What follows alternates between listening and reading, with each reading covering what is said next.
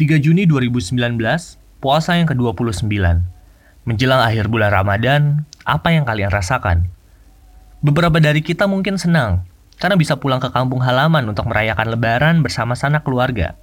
Dan beberapa dari kita juga mungkin sedang bersedih, karena akan ditinggal pergi oleh bulan Ramadan. Suasana bulan Ramadan sangat berbeda dari bulan-bulan lainnya. Mungkin karena kita sedang dididik untuk menjadi sebuah pribadi yang baru, kita telah dididik hampir selama satu bulan penuh untuk menahan segala hal-hal yang buruk.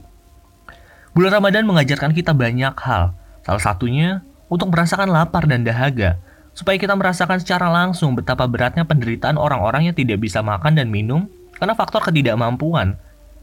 Hal ini diharapkan agar tumbuh rasa kepedulian terhadap sesama. Apakah kita sudah memberikan yang terbaik untuk menutup Ramadan kali ini? Thank you so much. Gua Zaki Arwandi.